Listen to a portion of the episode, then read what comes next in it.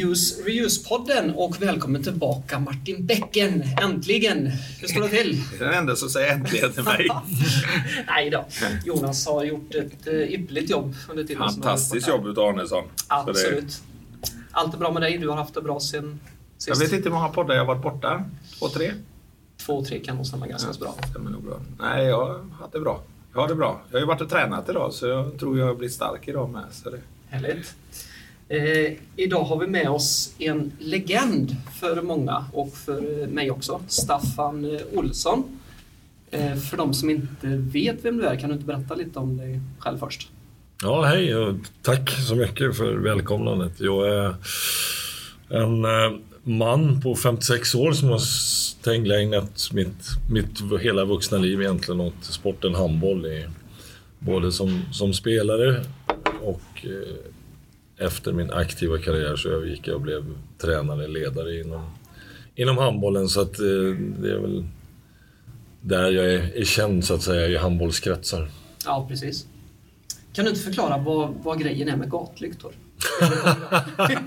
det har jag också undrat. Jag har följt dig på Instagram här. ja, det, det, är, det är inte så ofta jag får den frågan. Eh, men att eh, nej, det, det, det började faktiskt. Jag var eh, tränare i, i, PSG i Paris i, i tre år. Och, eh, när jag var på mina framförallt söndagsvandringar min fru pendlade mellan Paris och Stockholm så jag hade en del söndagar när jag var själv där nere och vi var matchlediga. Så, eh, tog jag många långa promenader i det enormt vackra Paris och lärde känna staden och helt plötsligt så bara ploppar det upp en sån här tanke att fan vad många vackra gatlyktor det finns här som är bevarade från, från ursprunget så att säga när staden byggdes upp. Och så tog jag ett kort på en sån och la ut på Instagram. Och, eh, och jag var väldigt överambitiös för första veckan la jag ut dagens gatlykta men det förstod jag att det, det, det, kommer, det tempot kommer jag inte orka hålla. Så det, det, nu lägger jag ut det lite. Jag tycker att det är ett roligt sätt att beskriva framförallt när jag är ute och reser. Var jag är någonstans så brukar jag klämma in en gatlykta i, i bilden. Sådär. Så att, men den, det, den är starkt ifrågasatt, det intresset. Jag brukar få någonstans 120-130 likes. Det är de som tycker det är småroligt. Sen, sen resten dissar den ganska kraftigt. Så att, eh, det, det, det, är ingen... Eh, det är ingen hit på så sätt, men en lite rolig grej tycker jag. Vad, vad finns den finaste gatlyktan hittills du har sett? Ja, men det, det, Paris är bäst så, än så, så man, länge. Ska man studera gatlyktor? Och så, ja, då kan jag starkt rekommendera Paris. Ja. Det är många väldigt fina där. kanske ska bli nya restrender. Ja. Eller också får vi ta ett separat avsnitt om, om gatlyktor i Paris.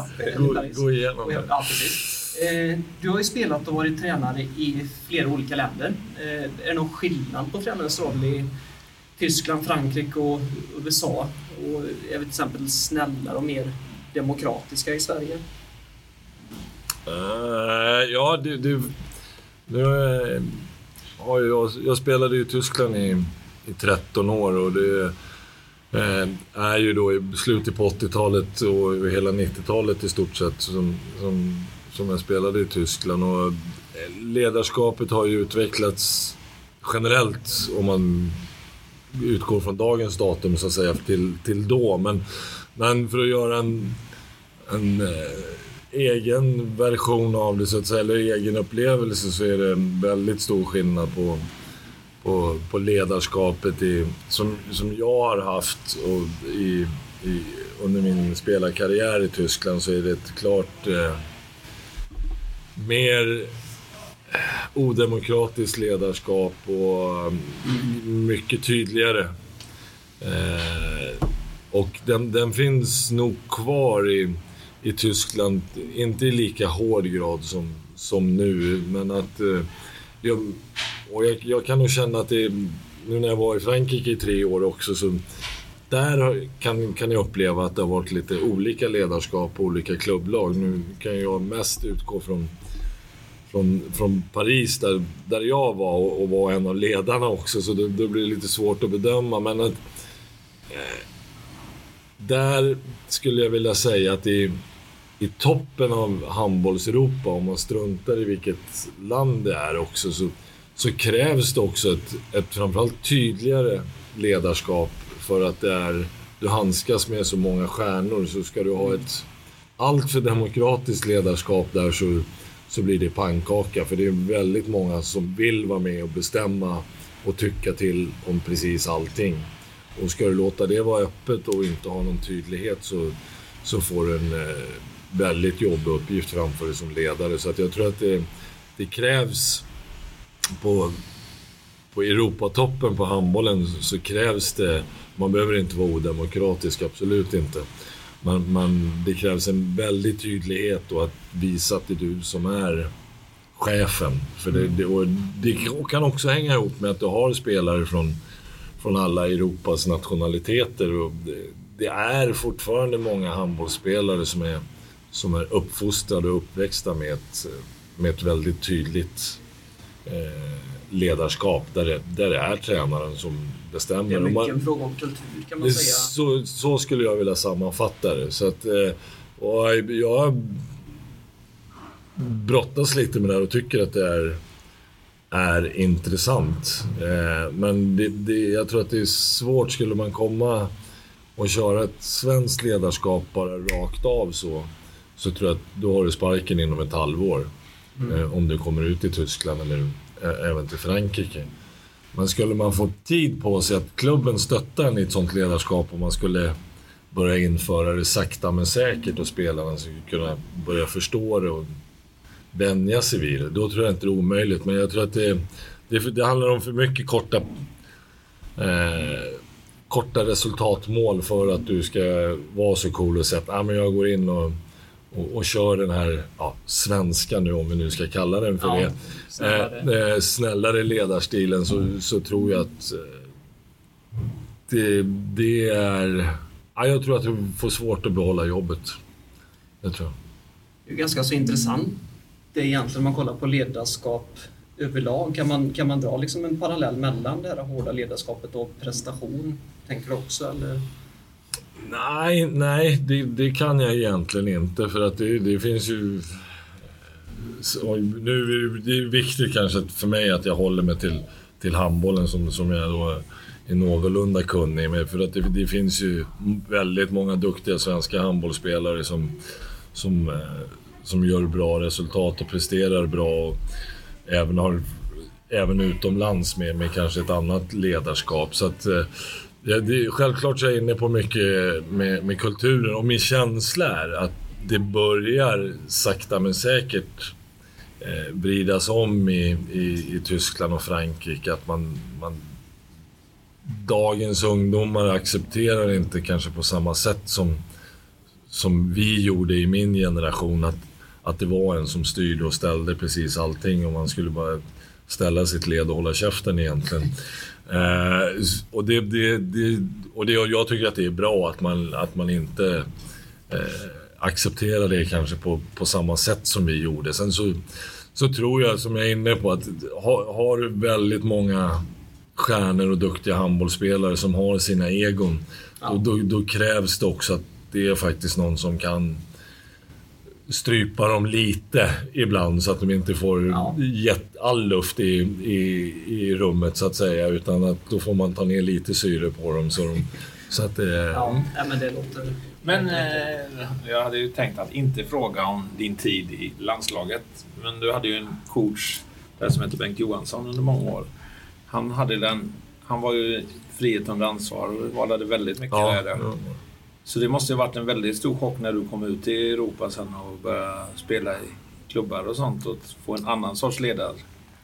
Ja, nu hade jag varit i Tyskland en sväng innan jag fick Bengans. Men även de svenska ledarna jag hade i mina klubblag och sådär var ju inte alls lika bestämda som, som de jag fick i, i, i Tyskland. Men det, det, det, är väl det jag tycker är mest spännande under den perioden när, när, när vi var som bäst med Sverige Eh, från 96 till eh, 2002 så, så spelade ju jag, Magnus Wislander, Stefan Löfgren.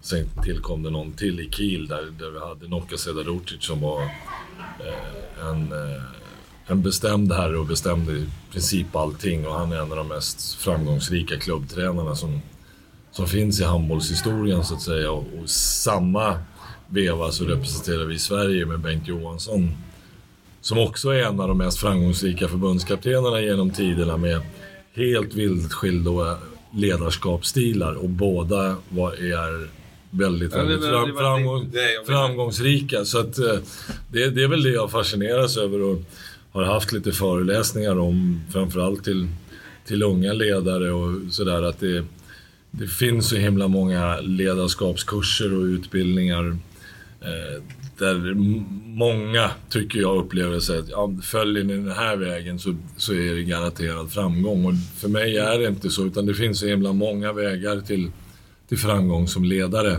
Och eh, därför så är det så viktigt att, tycker jag, att, att man som ledare hittar en stil som passar en själv. Och är det att man vill bestämma mycket så, så tycker inte jag man ska skämmas över det. Utan ja, men då, då vill jag gå på den här vägen för det är där jag trivs bäst.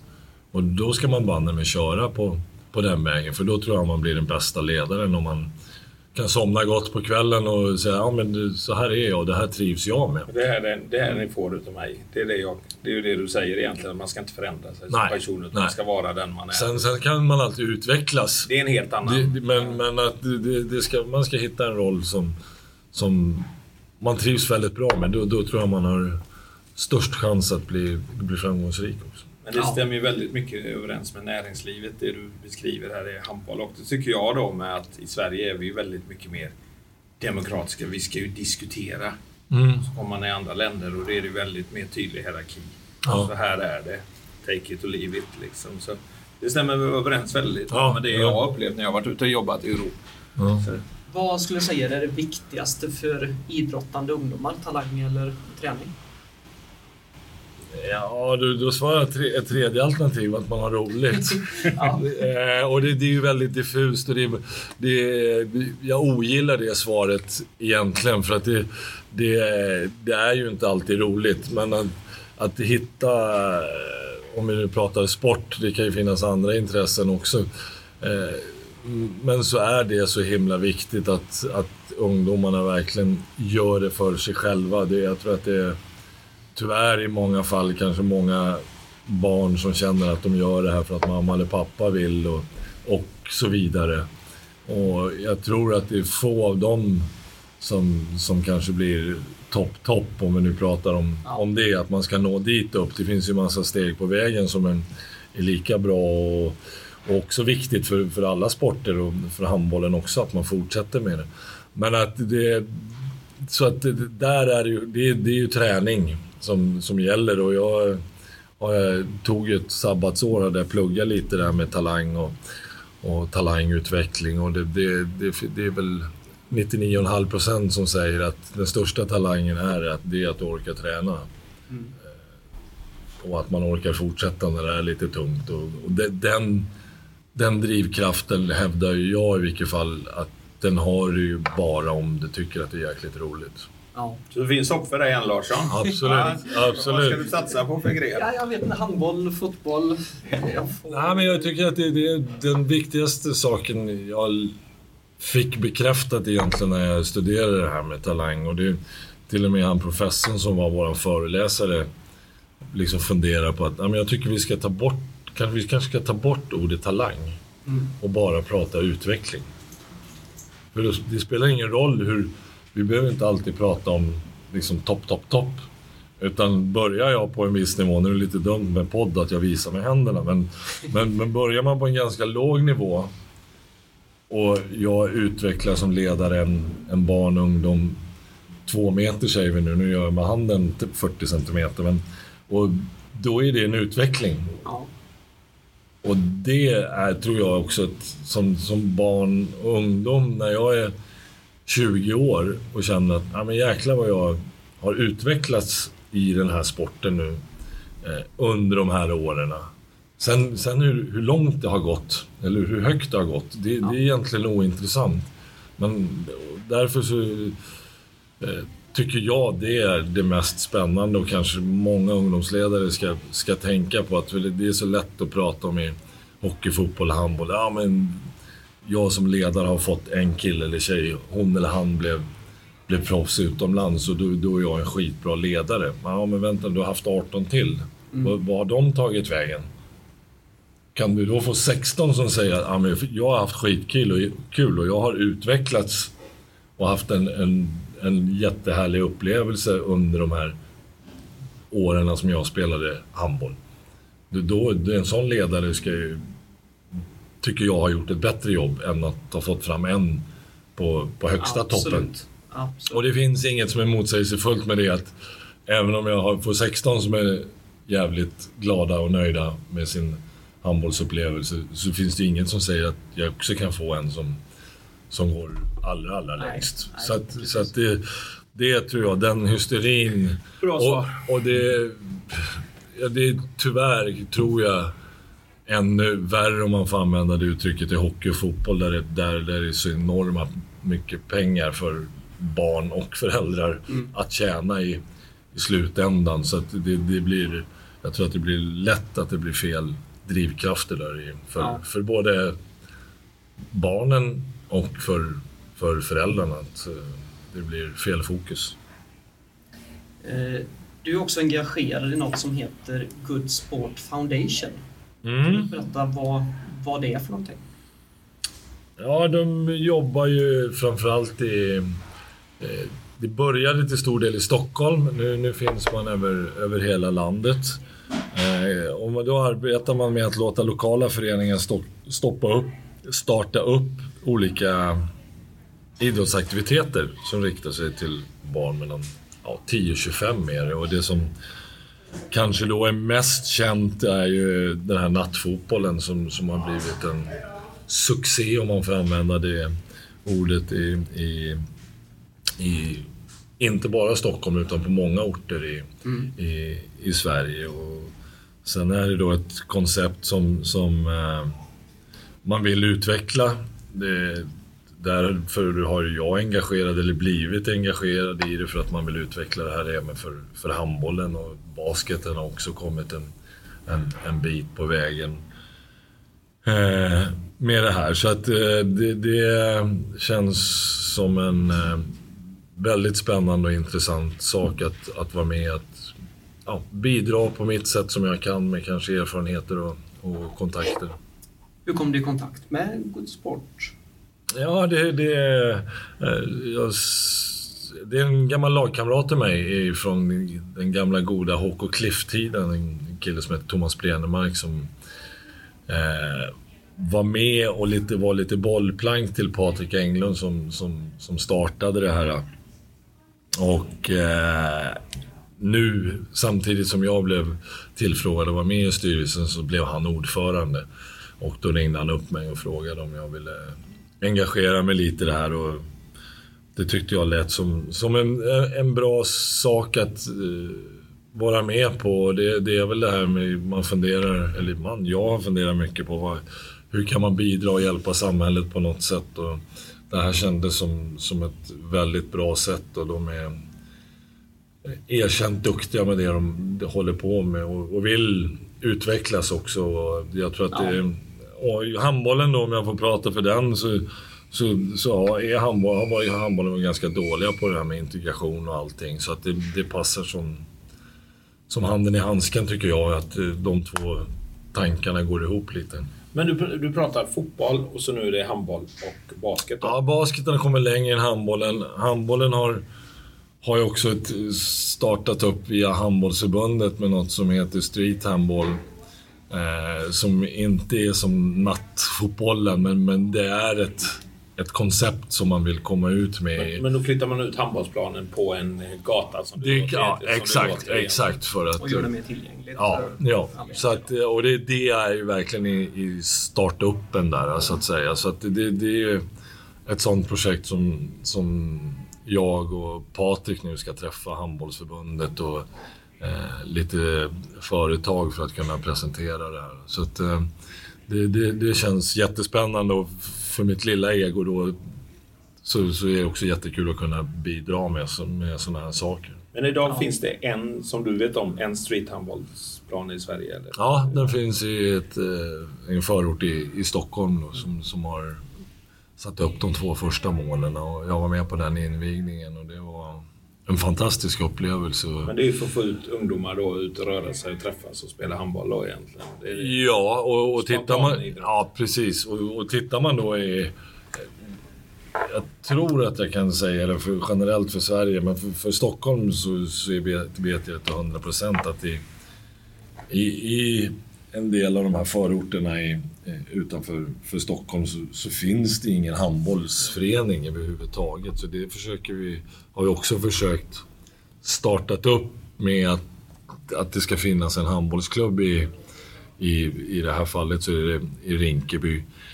Eh, för att ungdomarna har ingen chans att, att spela handboll där och börja med handboll för det finns ingen idrottsklubb. Och för, för, för oss så tänker man så här att nu blir det här lite Stockholmsbaserat. Ja, men det finns en jättefin handbollsförening i Spånga och det är inte så långt därifrån. Men det är många av de här ungdomarna som, som inte har chans och råd att, att ta sig till, till Spånga. Så det är jättelätt för, för mig att sitta, ja vad fan, ta bussen till, till Spånga, det är jättenära. Men det, det är inte så lätt där ute i verkligheten. Och det, det, det, det är sånt man får förståelse för på ett helt annat sätt när man Ja. får, får vara ute på fältet. Och, så att det, är- det är också eh, en uppgift för handbollen tycker jag. Att vi, vi får eh, anstränga oss verkligen för att hjälpa till att kunna bilda handbollsklubbar i, i lite utsattare områden.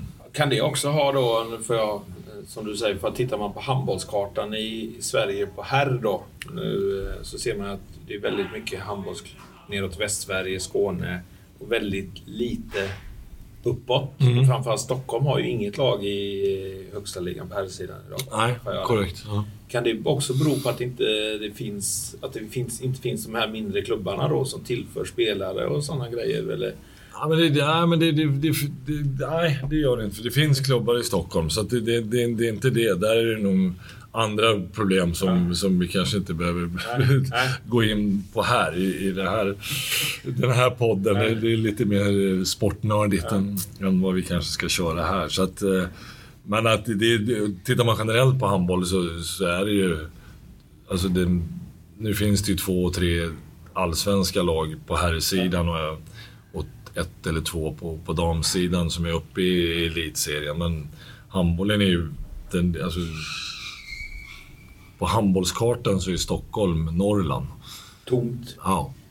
Så att, alltså, alltså, från Stockholm och uppåt så, så är det tyvärr jätte, Ja, klart, det är jätte... inte bara Stockholm utan det är ju en buckla som Ja, säger så, som, som brottas med mycket problem, tycker jag, för handbollens skull. För att det, det finns eh, mycket handbollsklubbar norr om Stockholm också, men att vi, vi lyckas inte eh, bredda ut det och få det där riktiga, riktiga intresset. Eh. Jag tycker handboll måste vara, det måste vara en Det är ju som fotboll, det måste vara lätt att starta upp och kunna spela på gatan street handboll. För det är en boll och skor man behöver.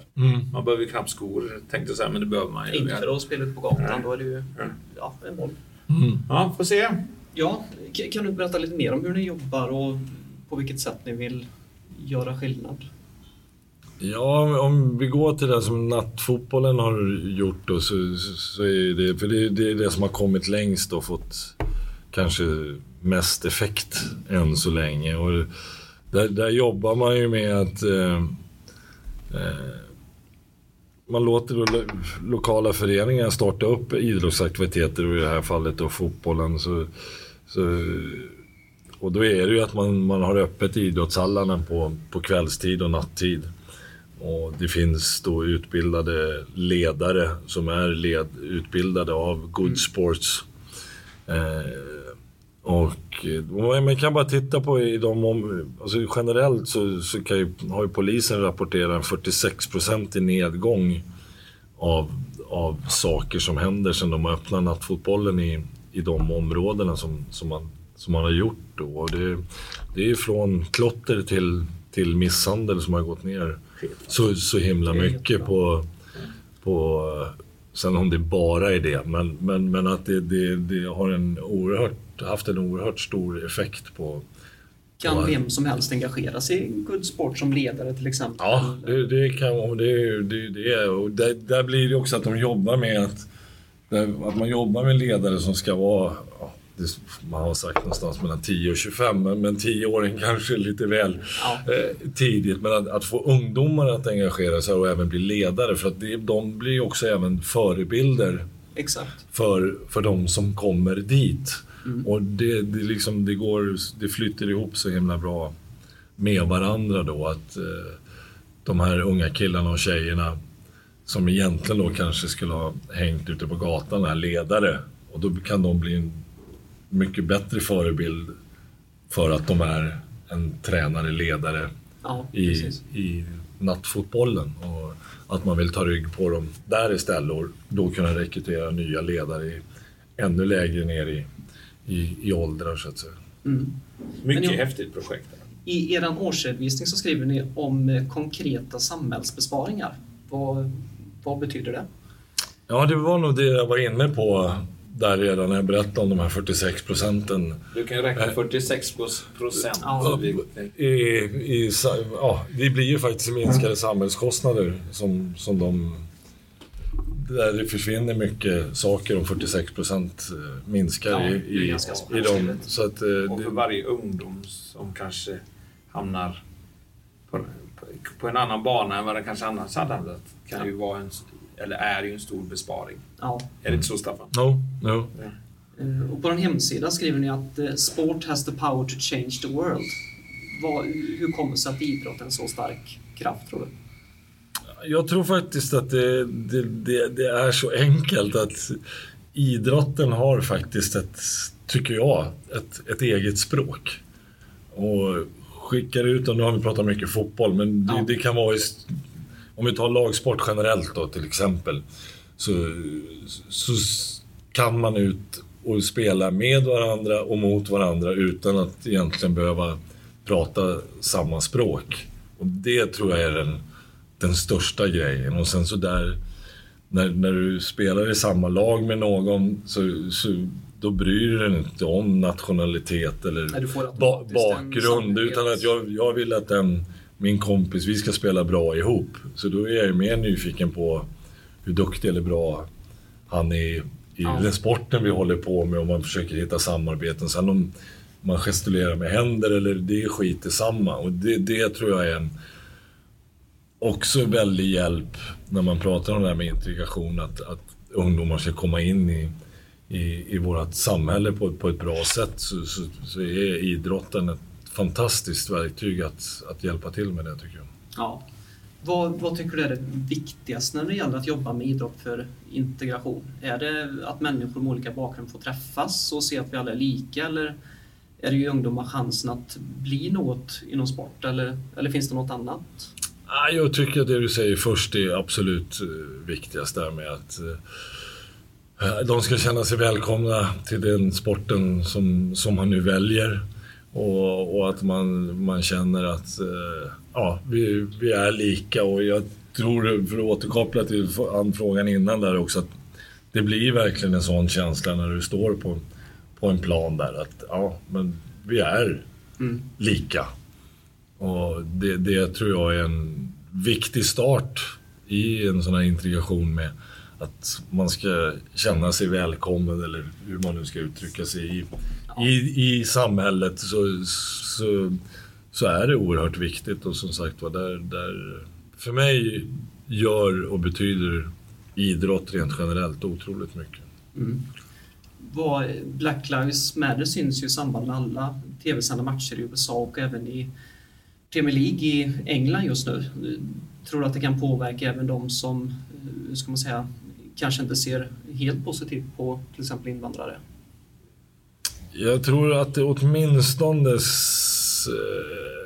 väcker någonting hos alla som, som är lite idrottsintresserade. Att vad är det här? Varför är det så här? Och då tror jag också förståelsen kan öka för att ja, det, det, är det här med hudfärg eller varifrån, vilket land du är, är född i, spelar så himla... Eller spelar ingen roll alls. Nej. Utan, och där, sen, så att jag, jag tror att i och med den uppmärksamheten som, som det har fått så, så skapar det också en, en eftertanke hos förhoppningsvis många, där kanske jag är lite naiv, men jag tror att det skapar en eftertanke hos ganska många i vilket fall. Det, det tror jag. Ja. Var, varifrån kommer ditt engagemang för integration? Är det något du alltid haft eller är det något som har vuxit fram genom åren? Ja, det är nog något som har vuxit fram och eh, jag, jag känner att eh, jag, jag har själv vuxit upp i ett, ja, som man på den tiden hette det väl så här medelsvensson eh, familj och allt. Det var inte topp, men det, det var inte skit heller. Och, eh, men jag, jag, känner att det, det, det, är så mycket tillfälligheter och tur som har gjort att, att jag har, har fått uppleva så himla mycket. Och, ja, och jag, jag, vill inte mäta det just i, i, framgångar. Självklart är det kul för, för mig, men, men det är inte det viktigaste. Och därför så har det vuxit fram med åren att ja, jag vill att så många som möjligt ska få, få möjligheten att, att känna den här drivkraften och, och, hur roligt det är att hålla på med en idrott. Och jag brinner ju mycket för lagidrott självklart, men det finns ju även individuella idrotter som, som, som är roliga och gör mycket bra saker. Men, men, men för mig, just den här känslan att få tillhöra ett lag, vara med och bidra. Och, och för mig så skapar det också att, just med lagsporter, att jag får lära känna så många människor och få träna på att lära mig acceptera att vi är olika.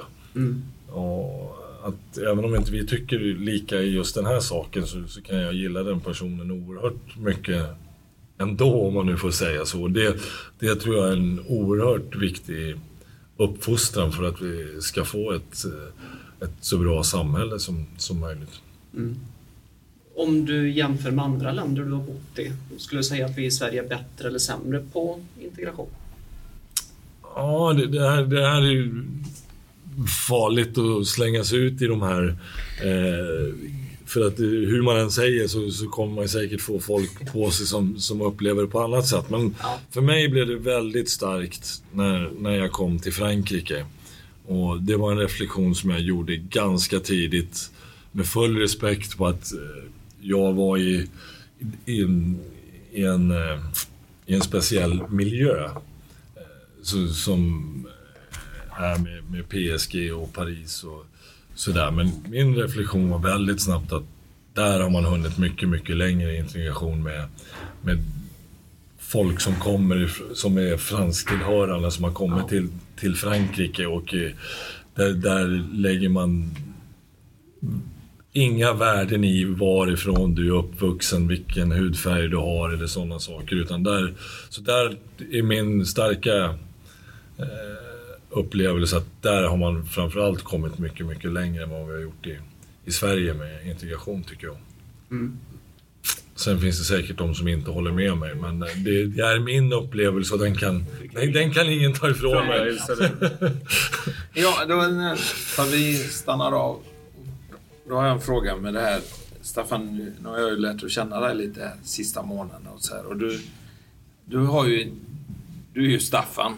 Eh, du är ju inte en... Eh, du, har, du är ju en... För att vara en, nu får jag passa vad jag säger här, men eh, för att vara en handbollsspelare så är du ju lite bohemisk.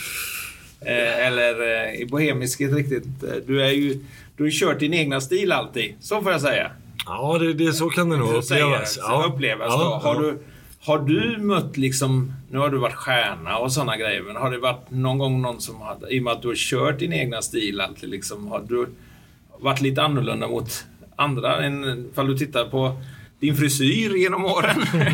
eh, du, förstår du min fråga? Ja, ja absolut. Det, det, är ju inte något jag, jag har tänkt på så. Det, det, eh, jag förstod ju ganska tidigt att jag upplevs precis som, som, som du beskriver mig. Och det, det någonstans så kan jag förstå att folk har upplevt mig så. Men jag har aldrig känt mig sån som en, en bohem eller lite speciell. Ja, jag har haft långt hår och... Det är så ovanligt eh, Ja, det kanske var lite mer ovanligt på, på slutet på 80-talet, början på 90-talet. Så att det, det har varit... Eh, nu är allting relativt, men många som har haft uppfattningar om framförallt min, min hårlängd och sådär. Men, men att, eh, och det, det, det, blir ju så fel fokus på det. Och sen så, så har jag förstått att med min kanske yviga spelstil och min, min, min hårlängd har gjort att jag har synts hela tiden och därför kanske det har varit lättare att ha haft en, en uppfattning om mig och sen om den har varit positiv eller negativ, det, där har väl det gått isär lite. Men, men, men att eh, det, det, är aldrig något jag har tänkt på eller gjort med avsikt eller, eller, eller så. Men att det, det, det är klart att det... Jag, jag, förstår att det upplevs så, men, men jag eh, känner inte så, om man kan säga så, på, på samma sätt som kanske många har, har upplevt mig. Men, men det, det är väl en, en ganska vanlig reflektion för folk som bara sett mig på handbollsplan och sen så, så får de träffa mig i privata sammanhang så, så är det ju också kanske två olika personer. Många blir ju förvånade över att jag kanske är, är så lugn när, jag, när de träffar mig privat. Och då har de sett mig tjabba med en domare eller en spelare och sett jävligt farlig och arg ut. Så att, och det blir ju just det här att folk tror ju att man är den som man är på handbollsplan. Och det, mm. det, det är ju väldigt sällan så att det det, det är samma person på och utanför för planen. Men äh, jag, jag, jag har kommit så långt i, i förståelsen att jag, jag förstår att folk tycker och tror att jag är en superbohem. Men sen kanske jag förstärker det genom att gå och fota gatlyktor och sådär. Så att... Komma i samtalen på anställningsintervjuer. ja, ja det, det, men, men att, och det, det är väl något jag, jag, jag också Just med att det, snackar vi 90-tal och Tyskland så, så var ju de ganska stelbenta tycker jag. Nu tycker jag att det har skett mycket där de sista tio åren. Att man har öppnat upp ögonen för, för det som har hänt kanske utanför Tyskland på, på ett annat sätt också. Men, men eh, det är klart att det, det blir ju skillnader och det, jag tror att det återigen om vi kopplar ihop det med med det vi har pratat om innan. Just när jag har spelat utomlands i mina två, fyra första år så var jag ensam utlänning i laget. Då, var, då fick man bara vara en utlänning, så jag var den enda utlänningen i laget. Och det blir också en jäkla ny upptäckt. Även om det här är, är väldigt alltså, fina förhållanden som jag får komma till Tyskland med att alla hjälper och ställer upp och man känner sig verkligen välkommen. Eh, men ändå så blir det ett utanförskap i början med att jag kan inte deras språk. Eh, och sådana saker. Det, det tror jag är också en, en oerhörd utveckling för, mm. för, för mig som person. Och tittar man eh, mina sista år i Kiel så spelade jag ihop med, med sex olika nationaliteter. Och att få det till en grupp, att, att fungera med, med olika kulturer uppväxter som, som vi var inne på i början där är ju också oerhört spännande och man får verkligen lära sig att acceptera andra människor och försöka förstå dem faktiskt. Sen behöver man inte alltid hålla med dem. Men, men den här acceptansen tror jag ökar enormt med, med Får det. man ihop en sån grupp så blir den ju grymt dynamisk. Ja, alltså, det, ja, ja. då får man ju bästa av allt egentligen. Ja. Så det, eller, det var inte... Det var ett oerhört långt svar på en fråga. Men då har jag min slutfråga här. om, om du skulle få välja, eh, vi tar bort handboll då. Eh, inte, vad hade du jobbat med ifall du inte hade jobbat med handboll? Ja, den här frågan har jag fått och jag, svar, jag, jag vet inte. För jag, jag, inte diversehandlare då? Ja, ja det är där jag är någonstans nu. Eh, eh, kanske, men att...